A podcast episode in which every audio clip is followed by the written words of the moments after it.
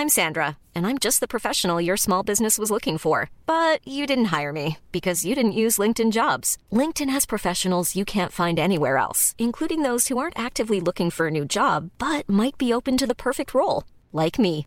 In a given month, over 70% of LinkedIn users don't visit other leading job sites. So if you're not looking on LinkedIn, you'll miss out on great candidates like Sandra. Start hiring professionals like a professional. Post your free job on linkedin.com/people today. Hey, I'm Ryan Reynolds. At Mint Mobile, we like to do the opposite of what Big Wireless does. They charge you a lot, we charge you a little. So naturally, when they announced they'd be raising their prices due to inflation, we decided to deflate our prices due to not hating you. That's right. We're cutting the price of Mint Unlimited from $30 a month to just $15 a month. Give it a try at mintmobile.com slash switch. $45 upfront for three months plus taxes and fees. Promo rate for new customers for limited time. Unlimited more than 40 gigabytes per month. Slows. Full terms at mintmobile.com. Burrow's furniture is built for the way you live. From ensuring easy assembly and disassembly to honoring highly requested new colors for their award-winning seating, they always have their customers in mind. Their modular seating is made out of durable materials to last and grow with you. And with Burrow, you always get fast, free shipping. Get up to 60% off during Burrow's Memorial Day sale at burrow.com slash ACAST. That's burrow.com slash ACAST. burrow.com slash ACAST. Palmemordet, Hans Holmér, del 23. Sveriges statsminister Olof Palme är död. 90 000. Ja, det är mord på Sveavägen. Hörde de säger att det är Palme som är skjuten. Mordvapnet med säkerhet är en Smith Wesson, en revolver kaliber .357. Inte ett svar. Finns inte ett svar. För jag har Polisen söker en man i 35 till 40-årsåldern med mörkt hår och lång mörk rock. Välkomna till podden Palmemordet som idag görs av mig, Dan Hörning. Det här avsnittet är researchat av mig, Cornelia Boberg och David Oskarsson. I förra avsnittet fick ni höra allting om Operation Alfa den 20 januari 1987. Dagen efter, på onsdagen den 21 januari, är mediedrevet igång. Konflikterna mellan utredningen och åklagarna är nu ett allmänt faktum och det rapporteras hejvilt om det. Polisens representanter beskyller i media åklagarna för att ha saboterat utredningen. På eftermiddagen har ledningsgruppen ett möte. Det är verkligen inte ett möte där deltagarna verkar ha givit upp. Tvärtom. Mötet är 25 minuter långt mellan klockan 16 och 16.25. Lenning redogör för förhören angående Medborgarplatsdelen, alltså mordet som inträffade tidigare. Beslagen diskuteras. Lenning upplyser att beslagen har betats av idag. De är till stor del hävda. Personal från SÄK har varit med vid genomgången av beslagen. Kopior har tagits av intressant material. Lenning upplyser att åklagarna har beslutat om att beslagen skulle gås igenom under dagen. PG Ness påpekar att SÄKs personal reagerat mycket kraftigt på att beslagen har hävts så snart. Lindström framför följande synpunkter angående hanteringen av beslagen. Det är inte acceptabelt att beslagen har hävts så snart. Lindström tycker att det är konstigt att om Seime anser att vi ska göra en sådan kontroll som vi har gjort och han går ut i massmedia och vi informerar utländsk polis, vi tar in material, att då häva beslagen nu. Det är inte acceptabelt ur olika aspekter. Dels måste vi få titta på beslaget, säger Lindström, och dels den faktiska aspekten. Vi integritetskränker de aktuella personerna genom att släppa med oss beslagen och att då inte få titta i materialet. Det saknar all hyfs, både mot polismännen och de personer som har varit aktuella. Lindström hävdar att ett möte ska komma till stånd med åklagarna där den här biten diskuteras. Enskilda utredningsmän ska inte behöva sätta sig ner med åklagarna och diskutera den här biten. Det ska göras på högsta nivå. Vi måste kräva från spaningsledningens sida att resultat av vårt arbete får komma och bli så bra som det är möjligt. Det kan man inte göra om man sätter en tidspress på sig. Lindström påpekar att utredningsmaterialet bör kanske ställas mot beslagen och påpekar att man kan inte jobba på det sättet. Det blir ett löjets skimmer över det. Lindström påpekar att på det sätt som Seimi gick ut på igår med en presskonferens och utländsk polis informerades inte är bra när det blir så här. Vi kan inte göra så här. Det går inte. Vi tar hänsyn som vi måste ta till andra omkringliggande faktorer och till vårt eget arbete, påpekar Lindström. Lenning upplyser att det redan i morse sades att beslagen skulle gås igenom. Redan igår eftermiddag började åklagaren att häva en del beslag. Lenning upplyser att han inte känner till åklagarnas bedömning av hävandet av beslagen. Lenning upplyser att beslagen har granskats av en kommissarie, tre fyra man från KK1, en till två man från SÄK, en jugoslavisk tolk och en man från tekniska roten. Lenning upplyser vad slags beslagsmaterial det har rört sig om. Lenning upplyser att Lange har tagit upp den tekniska biten med Josefsson. Lange framför följande synpunkter angående hantering av beslagen, citat. Det är ju något fruktansvärt, vad som har hänt idag, slutcitat. Lange påpekar att han berörde den här frågan hur man ska behandla beslagen efter skjutningen i Gamla stan. Han påpekar att det har funnits ett beslut om husrannsakan och att sådant material som kan antas ha betydelse om brotten skall tas i beslag. Han påpekar att så vitt han vet så har inte åklagarna lämnat några föreskrifter. Han har själv inte fått några föreskrifter.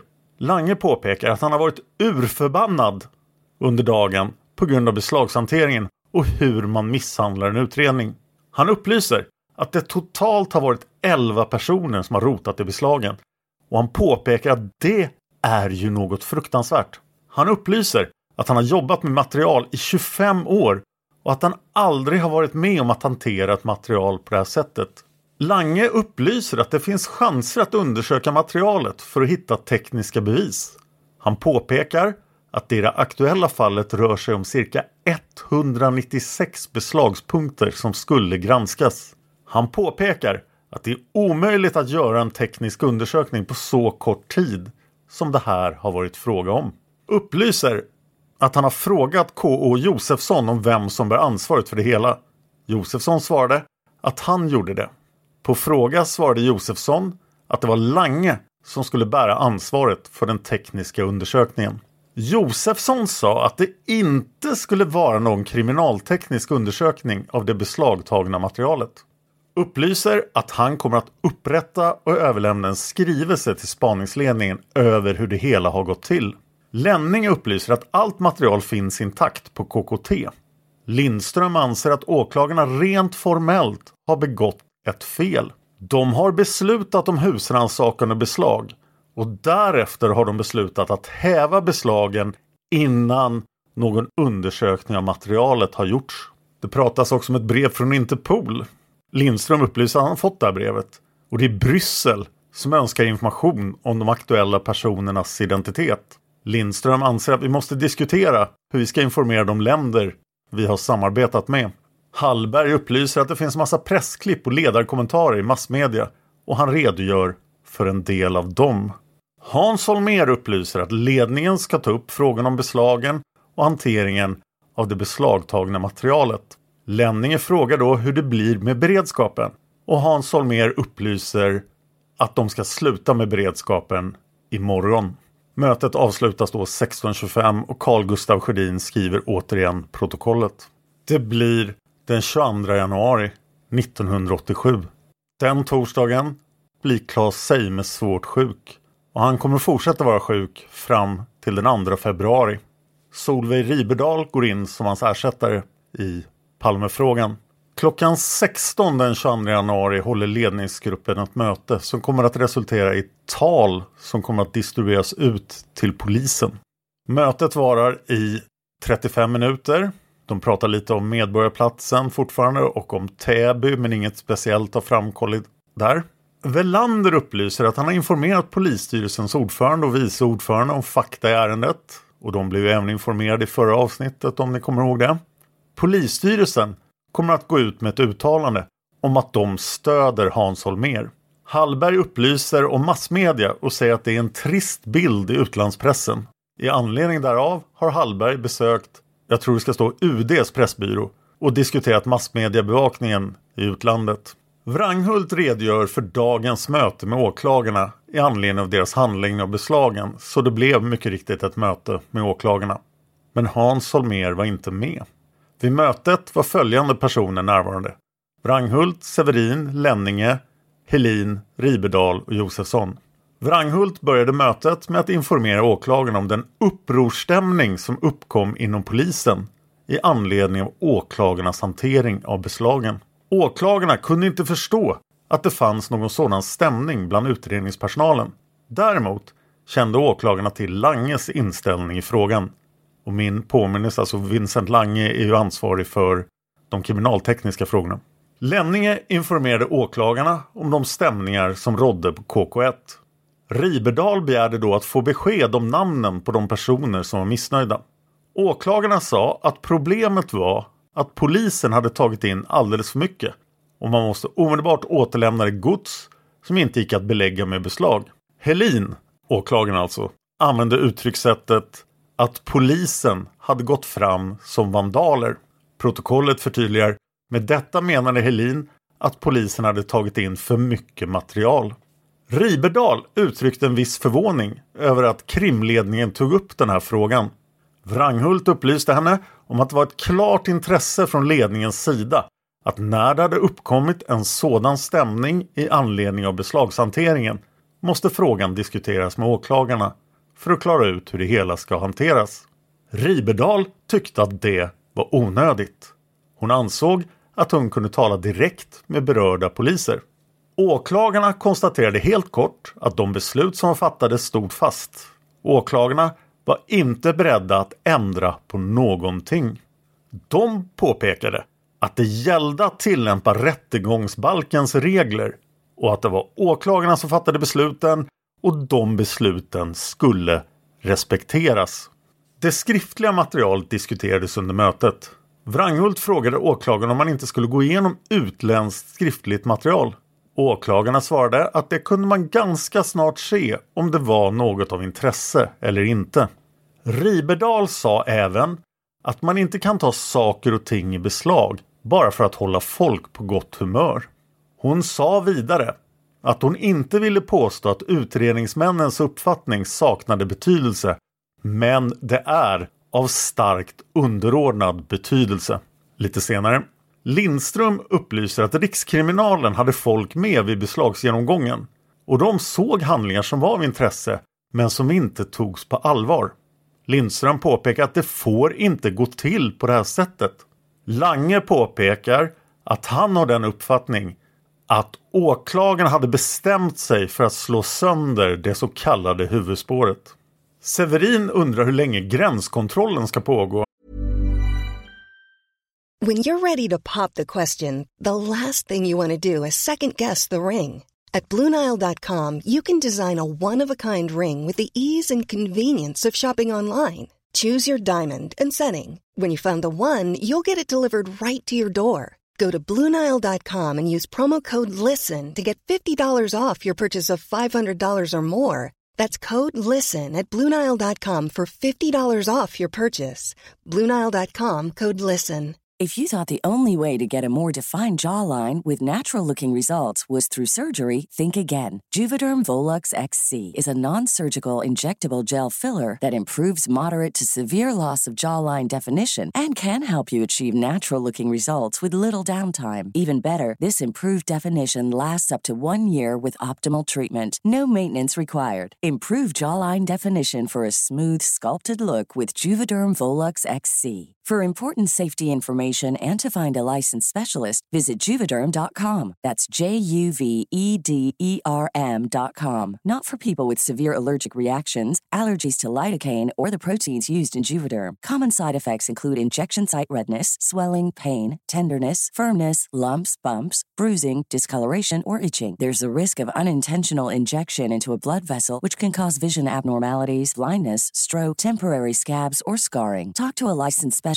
to find out if it's right for you. Normally, being a little extra might be a bit much, but not when it comes to healthcare. That's why United Healthcare's Health Protector Guard fixed indemnity insurance plans, underwritten by Golden Rule Insurance Company, supplement your primary plan so you manage out of pocket costs. Learn more at uh1.com. och Hans Holmér anser att de ska avvakta och se hur länge de aktuella personerna blir sittande. Och sen gör Hans Holmér ett uttalande. Och Gunnar Wall skriver i mörkläggning att det här talet skulle spridas till alla poliser i utredningen. Men det finns också med i mötesprotokollet. Så citat Hans Holmér. Det har gått 328 dagar sedan arbetet påbörjades och det är första gången som jag inte vet vad jag ska göra.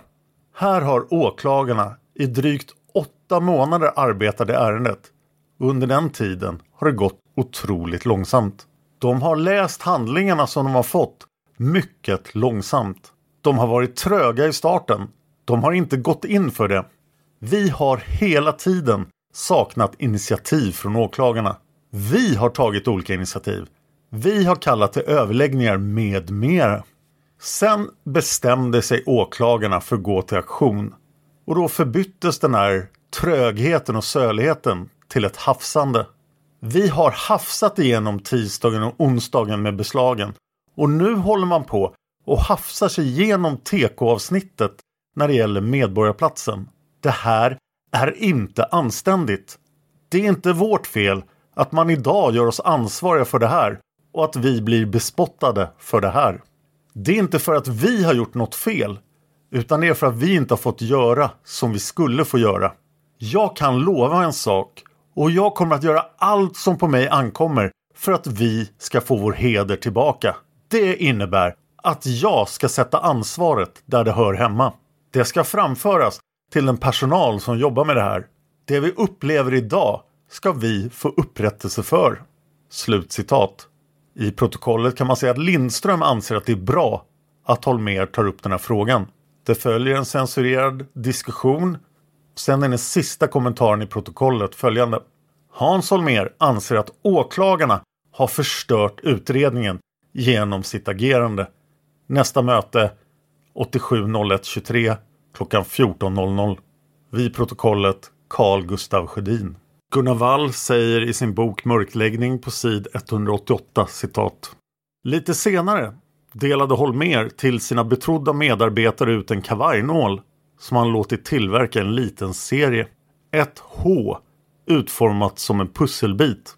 Det var ett tecken på medlemskap i hans egen informella orden. Och syftet var givetvis att understryka löftet om att han inte hade gett upp. Nu var det öppet krig mellan spaningsledningen och åklagarna. Det skulle inte räcka med ett nytt försoningsmöte för att släta över det. Åklagarna var trötta på huvudspåret och på Hans Holmer som enligt deras uppfattning satt som en propp i vägen för kontakterna med de poliser som gjorde fotarbetet. Hans Holmer och sin sida kunde inte se någon annan väg framåt än att köra vidare på PKK-spåret men utan åklagarna. Slutcitat. Och just poliserna som gjorde fotarbetet. Man kan ju fråga sig hur många andra teorier, hur många andra spår som har blivit försummade. Speciellt under tiden runt Operation Alfa. Dagarna tickar och Palmemordet blir bara ännu mer olöst. På fredagen den 23 januari ska dock åklagarna inge häktningsframställning beträffande de tre som har anhållits för medverkande till mordet i Medborgarhuset. Den 23 eller 24 januari pratar Ribedal med riksåklagaren som säger att citat justitiedepartementen är oroat. Under de här dagarna träffar Ann-Marie Åsheden Hans Holmer för vidare intervjuer. Vi har dock inga specifika datum men det är här precis efter Operation Alfa. Åsheden beskriver hur hon ser sorg i spaningsledarens ögon. Vid detta tillfälle frågar hon Holmer vad han nu tänker om allt det här. Och Holmer svarade citat Jag tänker inte. Jag är bara bitter just nu. Det känns hopplöst. Jag är ledsen. Slut citat. Holmer gick också tillbaka till sina gamla liknelser med livet på havet med följande ord citat. Det finns bara ett sätt när vi befinner oss i sjönöd. Det är att slänga ett bastant ankare ner till botten så att hela den här fartygsresan stannar. Jag anmäler till justitiekanslern eller regeringen eller vart man nu vänder sig och begär en granskning av åklagarnas agerande. Tala om för mig hur vi annars ska få stopp på det här. Svensk polis görs ju till åtlöje och åklagarna är ansvariga för det. De ska få bära ansvaret också. Det går inte att återställa det som har hänt. Det är klart att vi har gjort en del fel, men inga stora fel. Ändå framstår vi som byfånar. Det är inte rätt. Slutcitat. Åsheden framhåller dock att det ändå verkar finnas en gnista hos Hans Holmér. Han har vad han själv kallar för Fighting Spirit. I protokollet från ledningsgruppens möte den 23 januari mellan klockan 14 och 14.20 tycker jag att jag märker tydligt att luften börjar gå ur spaningsledningen. Några utdrag. Vangstad upplyser att 35 mobiltelefoner tas in från SÄK. De kommer att återlämnas till uthyraren. Lite senare. Personer som belagts med handfängsel. Wangstad påpekar att det är viktigt att det har upprättats protokoll avseende eventuella personer som har belagts med handfängsel. Min kommentar. Här ser man kanske hur spaningsledningen börjar försöka skydda sig själva. Säpo har saker att säga. Från protokollet, citat. Waldenström upplyser att SÄK spanar på sju objekt. I övrigt håller SÄK på med beslagsgenomgången. Waldenström upplyser att beslagen kommer att bli liggande till och med måndag. Hans Holmér upplyser att Christer Granqvist återkommer från Danmark under kvällen. Han kommer att delta i morgondagens möte. Ett möte som vi saknar protokoll ifrån. Det var min kommentar. Jag fortsätter citera protokollet. Han har en del uppgift att redovisa från den kurdiska källan i Danmark. Min kommentar, det kan ju vara Källa-Peter. Protokollet fortsätter. Skottlossning i Oslo. Wranghult redogör för en skottlossning i Oslo. Det är kriminalchefen i Oslo, Arne Huse, som har tipsat om ärendet. Skottlossningen ägde rum i slutet av november 1986. Skotten avlossades med Smith Wesson 38. Kriminalchefen i Oslo bedömer att gärningsmannen var lejd. Wranghult överlämnar ärendet till Lange från KKT för teknisk bedömning. Därefter ska ärendet överlämnas till KK1 för handläggning. Slutcitat. Det står också en del om eh, tips om skottlossning på Johan Enbergs väg och spaningsledningen konstaterar att ärendet ej går att utreda. Johan Enbergs väg ligger i Huvudsta i Solna och jag gick faktiskt förbi där på väg till den studio jag använde för att spela in det här avsnittet. Det har också kommit in ett tips från en kvinna på Arlanda. Lämning upplyser att det rör sig om en kurd som började bära glasögon efter mordet på Palme. Det låter förstås inte särskilt viktigt, men det är väl också det mest spännande tipset om kurder som har stått i de här protokollen under de senaste dagarna. Det beslutas också att det ska vara ett möte på lördagen den 24 januari klockan 10. Men jag har i pratande stund inte tillgång till protokollen från den här helgen. Och jag vet inte ens om det var något möte på söndagen. Det nästa protokollet som finns på palmordarkivet.se är den 26 januari. Så vi ger spaningsledningen ledigt under den här helgen och går vidare till måndagen den 26. På måndagen går Riberdal och berättar om konflikten mellan åklagaren och utredningsgruppen för riksåklagaren. Spaningsledningen har ett möte klockan 10. Det varar bara i 10 minuter. Holmer upplyser att handlingarna i Christer Granqvists stulna bil har kommit till rätta. Det finns inget som tyder på att handlingarna uppvisats för massmedia, upplyser Holmer. Jag har inget mer om den historien. Holmer upplyser också att han tänker besöka justitieministern under eftermiddagen för sedvanlig information i utredningen. Lindström redogör för Rikskriminalens spaningar och berättar att Rikskriminalen tittar på Uppsala-kurderna. De kommer även att prata med dessa kurder och sen står det ingenting mer i det protokollet. Nästa möte ska ske den 27 klockan 10. Det mötet innehåller ingenting intressant vad jag kan läsa i protokollet. Men på tisdagen en vecka efter operation Alfa avslår tingsrätten häktningsyrkandena beträffande de tre männen som hade misstänkts för delaktighet i mordet i Medborgarhuset. Samma dag diskuterar riksåklagaren olika lösningar med Solveig Ribedal och Claes Seime. Trots att Claes Seime inte alls mår bra. Han är fortfarande jättesjuk. Men han har ändå åkt in till riksåklagarens kontor. Gunnar Wall säger i mörkläggning citat Samma kväll kommer Wickbom hem till sin riksåklagare och diskuterar mordutredningen. Riksåklagare Sjöberg får intrycket att justitieministern menar att det är otänkbart att flytta bort Hans Holmér eller försvaga hans ställning. Slut citat. Och då påbörjas ivriga diskussioner om hur spaningsledningen och åklagarna ska kunna samsas. Ingenting kommer dock till en lösning. Från och med nu har Hans Holmér noll kontakt med åklagarna. Från hans perspektiv har de saboterat allting och gjort hans viktiga arbete till åtlöje. Hans Holmér har dock inte ännu gett upp hoppet om att kunna fortsätta leda Palmeutredningen. Gunnar Wall skriver i mörkläggning på sid 189 citat. Den 28 januari kontaktar riksåklagare Sjöberg Riberdal och ber henne vara försiktig i sina kontakter med polisen. Hon bör inte slå undan benen för ett fortsatt samarbete. Samma dag sammanträffar Riberdal och Helin med Wranghult. Holmer föredrar under denna period att själv hålla sig i bakgrunden och låta sin andre man förhandla med motståndarsidan. Åklagarna följer inte precis riksåklagarens maning till försiktighet. De förklarar istället att de inte har förtroende för någon i ledningsgruppen längre. Nu vill de arbeta direkt med utredningspersonalen. På kvällen diskuterar riksåklagare Sjöberg i telefon med Harald Fält, Wickboms statssekreterare. Fält är orolig. Han har fått höra av Rangholt att åklagaren har lagt ett hårt och oresonligt bud. Sjöberg berättar å sin sida om ett nytt förslag som Claes Seime har kläckt och som kanske kan få slut på konflikten. Det går ut på att såväl Seime själv som Holmer drar sig tillbaka från brottsutredningen så att andra kan ta vid istället.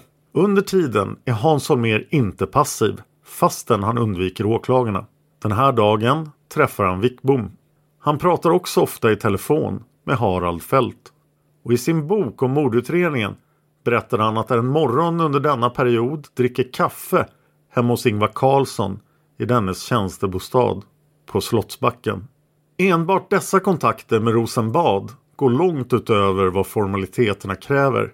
Men det är ändå inte hela sanningen. Fyra år efter de här händelserna, i maj 1991, avslöjar nämligen Ebbe Karlsson under smugglingsmålet i Stockholms tingsrätt följande. Vintern 1987 när polisledningen och åklagarna kom på kollisionskurs vände sig företrädare för regeringen till mig för att få råd om hur de skulle hantera problematiken gentemot Hans Holmer. Det ledde till några nattliga möten i min bostad, sa alltså Ebbe Karlsson.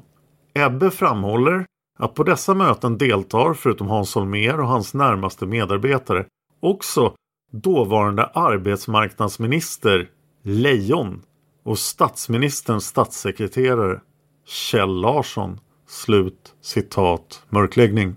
Den 29 januari klockan 10 har ledningsgruppen ett möte. Och i det protokollet står en rapport från överläggningen mellan spaningsledningen och åklagarna. Citat. Hans Holmér rapporterar från Wranghult och Severins överläggning med åklagarna som ägde rum igår och som fortsätter idag.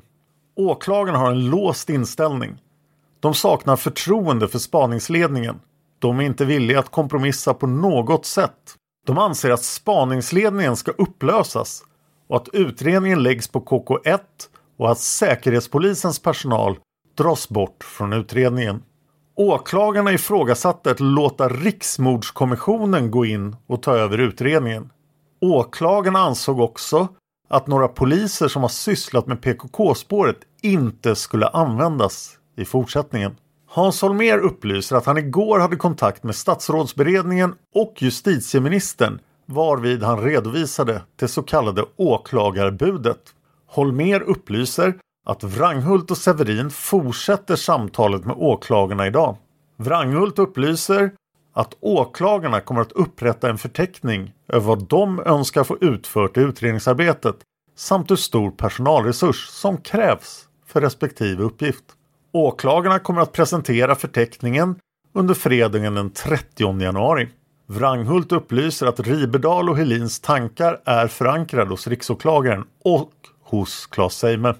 Wranghult upplyser att åklagarna backade på kravet om byte av personal. Wranghult påpekade för åklagarna att det var uteslutet att byta ut personalen på grund av att de har arbetat hårt och ambitiöst i ärendet. Sen kommer en till punkt. Massmedia. Hans Holmér redogör för en intervju med Claes Seime i dagens Aftonbladet. Holmér upplyser att han inte kommer göra något uttalande i massmedia i nuläget. Nästa punkt är Rikskriminalen. Ståhl upplyser att ambitionsnivån bland Rikskriminalens personal har minskat. Holmér önskar att Ståhl informerar personalen om att besked om det fortsatta utrednings och spaningsarbetet kan lämnas om några dagar. Ståhl påpekar att Rasmusson på Rikskriminalen har den uppfattningen att Barling på SÄK har uppgifter som han ligger och trycker på. Hans Holmér upplyser att Barling har en del uppgifter som han inte har hunnit med att redovisa. Detta kommer att ske klockan 10.30 idag upplyser Holmér. Holmér upplyser att Ståhl kan få kopior av samtliga handlingar. SÄK. PGNS påpekar att SÄK kommer aldrig att släppa PKK. Vi jobbar vidare, påpekar Ness. Nästa möte ska vara klockan 10 den 30 januari och Carl Gustaf Sjödin satt vid protokollet igen. Och det är det sista protokollet från spaningsledningen som jag kommer ta upp i serien om Hans Holmér. Den 30 januari lämnar Holmers kollega Hans Wranghult på Holmers anmodan in ett förslag till åklagarna. Förundersökningsarbetet ska delas upp. Holmer får ta hand om PKK-spåret och åklagarna kan ta resten. Åklagarna är, ej förvånande, totalt ointresserade av detta. Claes Seime vill till och med avgå, som sagt. Han upplever dock att han har gjort utredningen en tjänst genom att stoppa Hans Holmers framfart. Rikspolischefen Holger Romander ger Hans Holmér ett erbjudande om att bli en rådgivare till den fortsatta palmutredningen. Men Hans Holmér fnyser åt detta. Det är kanske inte så konstigt. Det skulle ju inte innebära något beslutsfattande. Och Holmér insåg mycket väl vilket jättekliv ner från hans tidigare auktoritära position det skulle innebära. Hans Holmér meddelar personligen statsminister Ingvar Carlsson om att han inte vill veta av Romanders förslag och att om det blir så, då tänker Hans Holmér hoppa av allting. Ingvar Carlsson ser till att det anordnas individuella möten med Holmér, Romander och Claes Seime när han väl är frisk den 4 februari. När de en och en får gå in till statsministerns kontor och ge sin syn på saken. Hos Gunnar Wall kan man läsa att Hans Holmér tyckte att detta var som någon sorts tandläkarbesök. Under Holmers och statsministerns möte lyckades den senare lägga fram ett förslag som tilltalar spaningsledaren. Ingvar Carlsson tänker sig att Hans Holmér ska ingå i en operativ spaningsstab direkt under Romander. Vilket Holmér tycker låter hundra gånger bättre än att bara bli en rådgivare. Men frågan är... Small details are big surfaces. Tight corners are odd shapes. Flat, rounded, textured or tall. Whatever your next project, there's a spray paint pattern that's just right. Because Rust new Custom Spray 5 in 1 gives you control with five different spray patterns. So you can tackle nooks, crannies, edges, and curves without worrying about drips, runs, uneven coverage, or anything else. Custom Spray 5 in 1. Only from Rust Cool fact a crocodile can't stick out its tongue. Also, you can get health insurance for a month or just under a year in some states. United Healthcare short term insurance plans, underwritten by Golden Rule Insurance Company, offer flexible, budget friendly coverage for you. Learn more at uh1.com. Planning for your next trip? Elevate your travel style with Quince. Quince has all the jet setting essentials you'll want for your next getaway, like European linen, premium luggage options, buttery soft Italian leather bags, and so much more and is all priced at 50 to 80% less than similar brands. Plus, Quince only works with factories that use safe and ethical manufacturing practices. Pack your bags with high-quality essentials you'll be wearing for vacations to come with Quince. Go to quince.com/pack for free shipping and 365-day returns. Om Holmer lät sig charma så lätt, för under samma möte ska Ingvar Carlsson ha tagit Holmer om axlarna och sagt Du måste ställa upp på det här. Man får intrycket av att statsministern tänkte att det var ett riktigt skört ego han hade att göra med. Men redan samma kväll, den 4 februari, kommer Hans Holmér hem och slår på tvn. Då får han helt oplanerat bevittna ett inslag där ingen mindre än Romander själv står och orerar om hur det framtida spaningsarbetet för Palmeutredning kommer att se ut. I tv-inslaget pratar Romander om den nya gruppen som Hans Holmér ska ingå i som en referensgrupp utan maktbefogenheter och Hans Holmérs haka går i golvet framför tvn. Regeringen meddelar vid en presskonferens klockan 23 på kvällen att Rikspolisstyrelsen och Riksåklagaren ska ta över ansvaret för Palmeutredningen. Ulf Karlsson utses till spaningsledare och biträdande riksåklagaren Axel Morath bli förundersökningsledare. Ulf Karlsson är alltså del två av denna metaserie. Men var inte oroliga, jag kommer inte kunna göra fler än 20 avsnitt om Ulf Karlsson. Jag vet inte ens om jag kommer lyckas göra ett avsnitt. Ulf Karlsson är idag när jag spelar in det avsnittet för mig en ganska stor gåta. Så har ni material om Ulf Karlsson, skicka det gärna till mig, alltså den andra spaningsledaren i Palmeutredningen. Gunnar Wall skriver i mörkläggning på sid 193 citat. Den 5 februari ger regeringen uppdrag till Rikspolisstyrelsen och Riksåklagaren att ansvara för mordutredningen. Dagen efter diskuterar Wickbom, Romander och Sjöberg vad referensgruppen ska syssla med och slår slutgiltigt fast att den inte ska ha några operativa funktioner. Åklagarna har vunnit sin seger. Att utredningen flyttar till riksåklagaren hotar inte kontinuiteten i deras arbete och inte heller deras prestige. Solveig Riberdal och Anders Helin ska fortsätta att arbeta med fallet som tidigare. De får dock en ny chef, biträdande riksåklagaren Axel Morath, som går in som förundersökningsledare istället för Claes Seime. Det är inget problem. Ytterligare en åklagare kopplas in. Byråchefen Jörgen Almblad från Riksåklagarämbetet. Men det är avsett som en förstärkning och inte som ett underkännande av Helin och Riberdal. Samtidigt är spaningsledningen sönderslagen och Holmer är borta. Ja, i alla fall nästan. Han sitter en tid med i referensgruppen men som han själv senare konstaterat Ja, formellt så ingick jag i det där. Men om jag talar klartext så gjorde vi egentligen ingenting. När Hans Holmers regim upplöses försvinner också kanslihusets observatörer Bergenstrand och Malmström från Palmeutredningen. De har då deltagit i 367 av spaningsledningens 535 möten. Genom bland annat deras rapporter har regeringen ständigt varit välinformerad och redo till informella ingripanden. Har man plötsligt i Rosenbad tappat intresset för att utöva denna kontroll? Det kan i alla fall verka så nu, här i början av 1987. Det gör onekligen saken lättare för åklagarna. Med tiden får de också polisens hjälp att hitta någonting som särskilt Riberdal ömmat för från början och som möjligen blivit ännu mer angeläget för henne genom att Holmer så provokativt motarbetade den infallsvinkeln. De kommer att få en grannman och de kommer att åtala honom. Men det är långt i framtiden. Innan dess kommer de att tvingas genomlida nya regeringsingripanden till förmån för PKK-spåret. Slut citat Gunnar Wall. Den 9 februari stängs Palmerummet.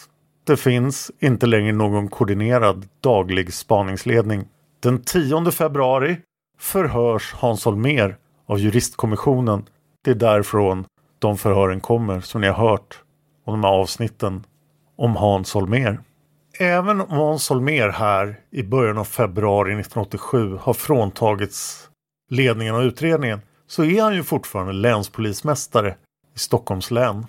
Och jag antar att det är i den egenskapen han skickar ut sin sista presskommuniké den 13 februari. Och jag ska nu citera den i sin helhet. Länsstyrelsen Stockholms län 1987 02 13 och här står det faktiskt länspolismästaren.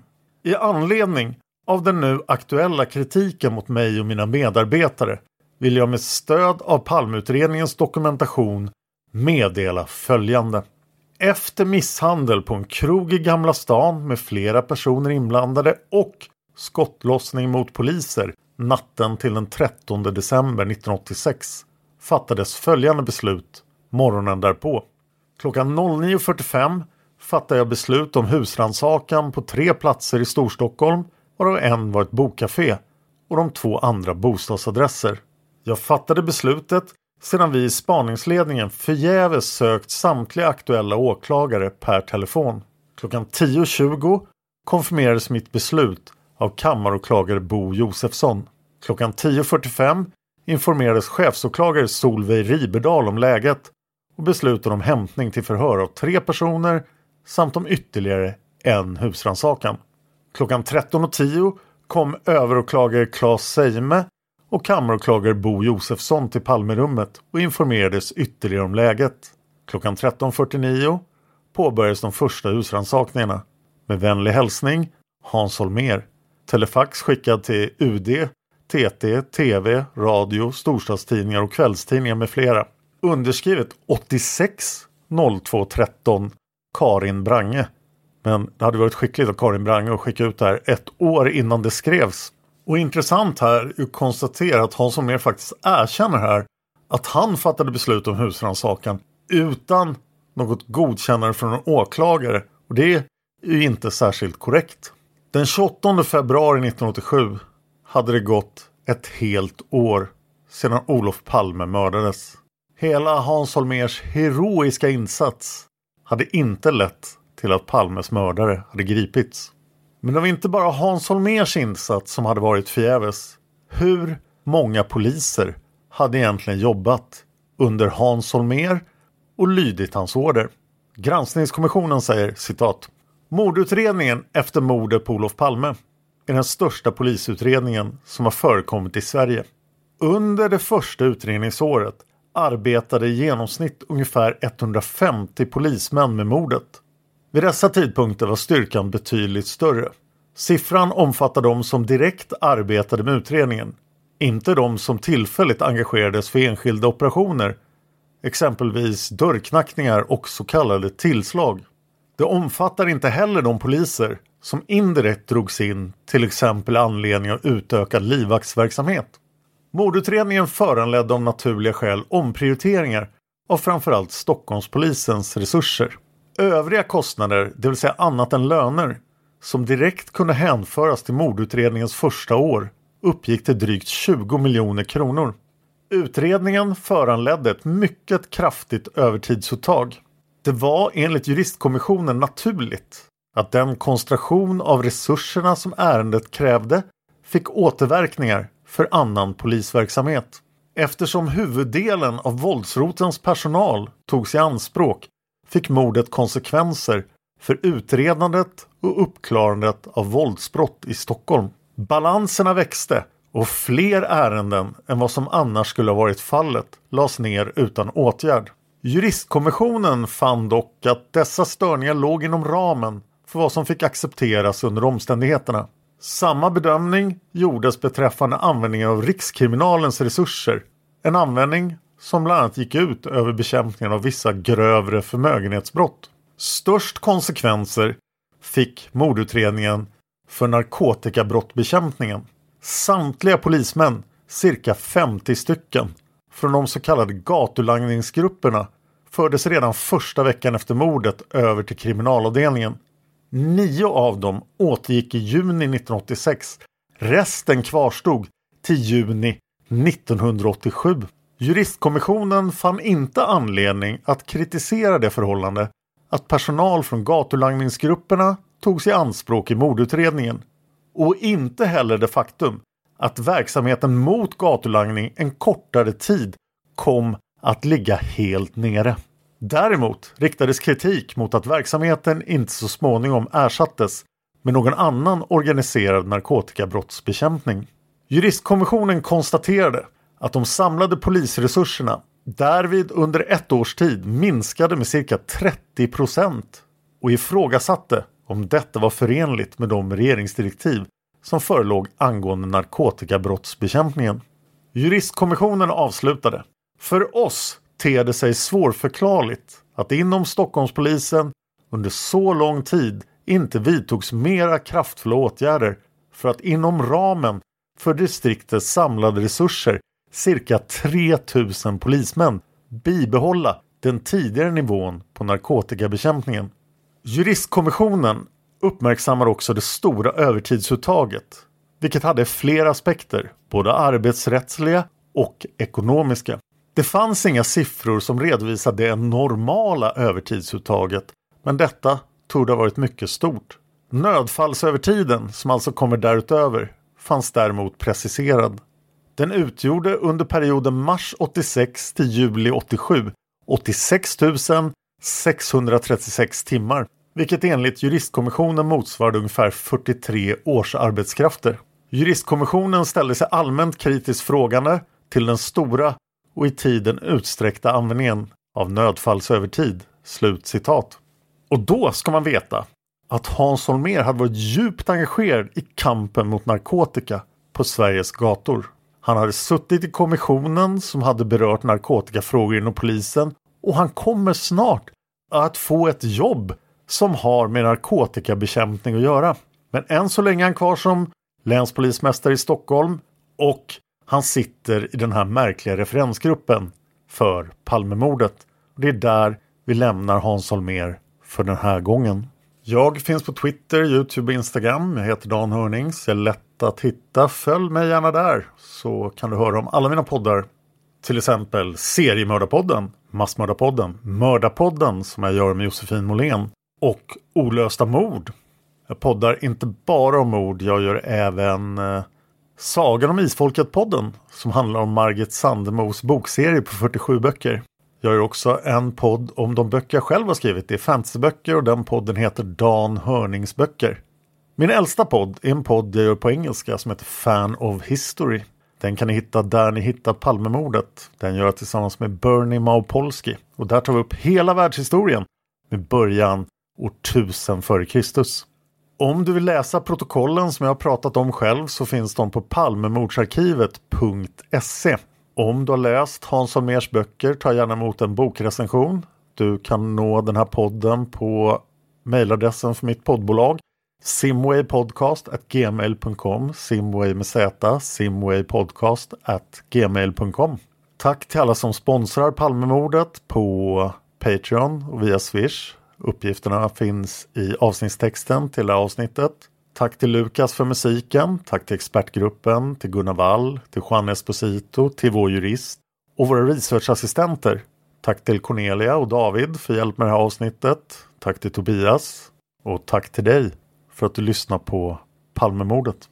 Man hittar Palmes mördare om man följer PKK-spåret till botten. Därför att ända sedan Julius Caesars tid har jag aldrig hört talas om ett mord på en framstående politiker som inte haft politiska skäl.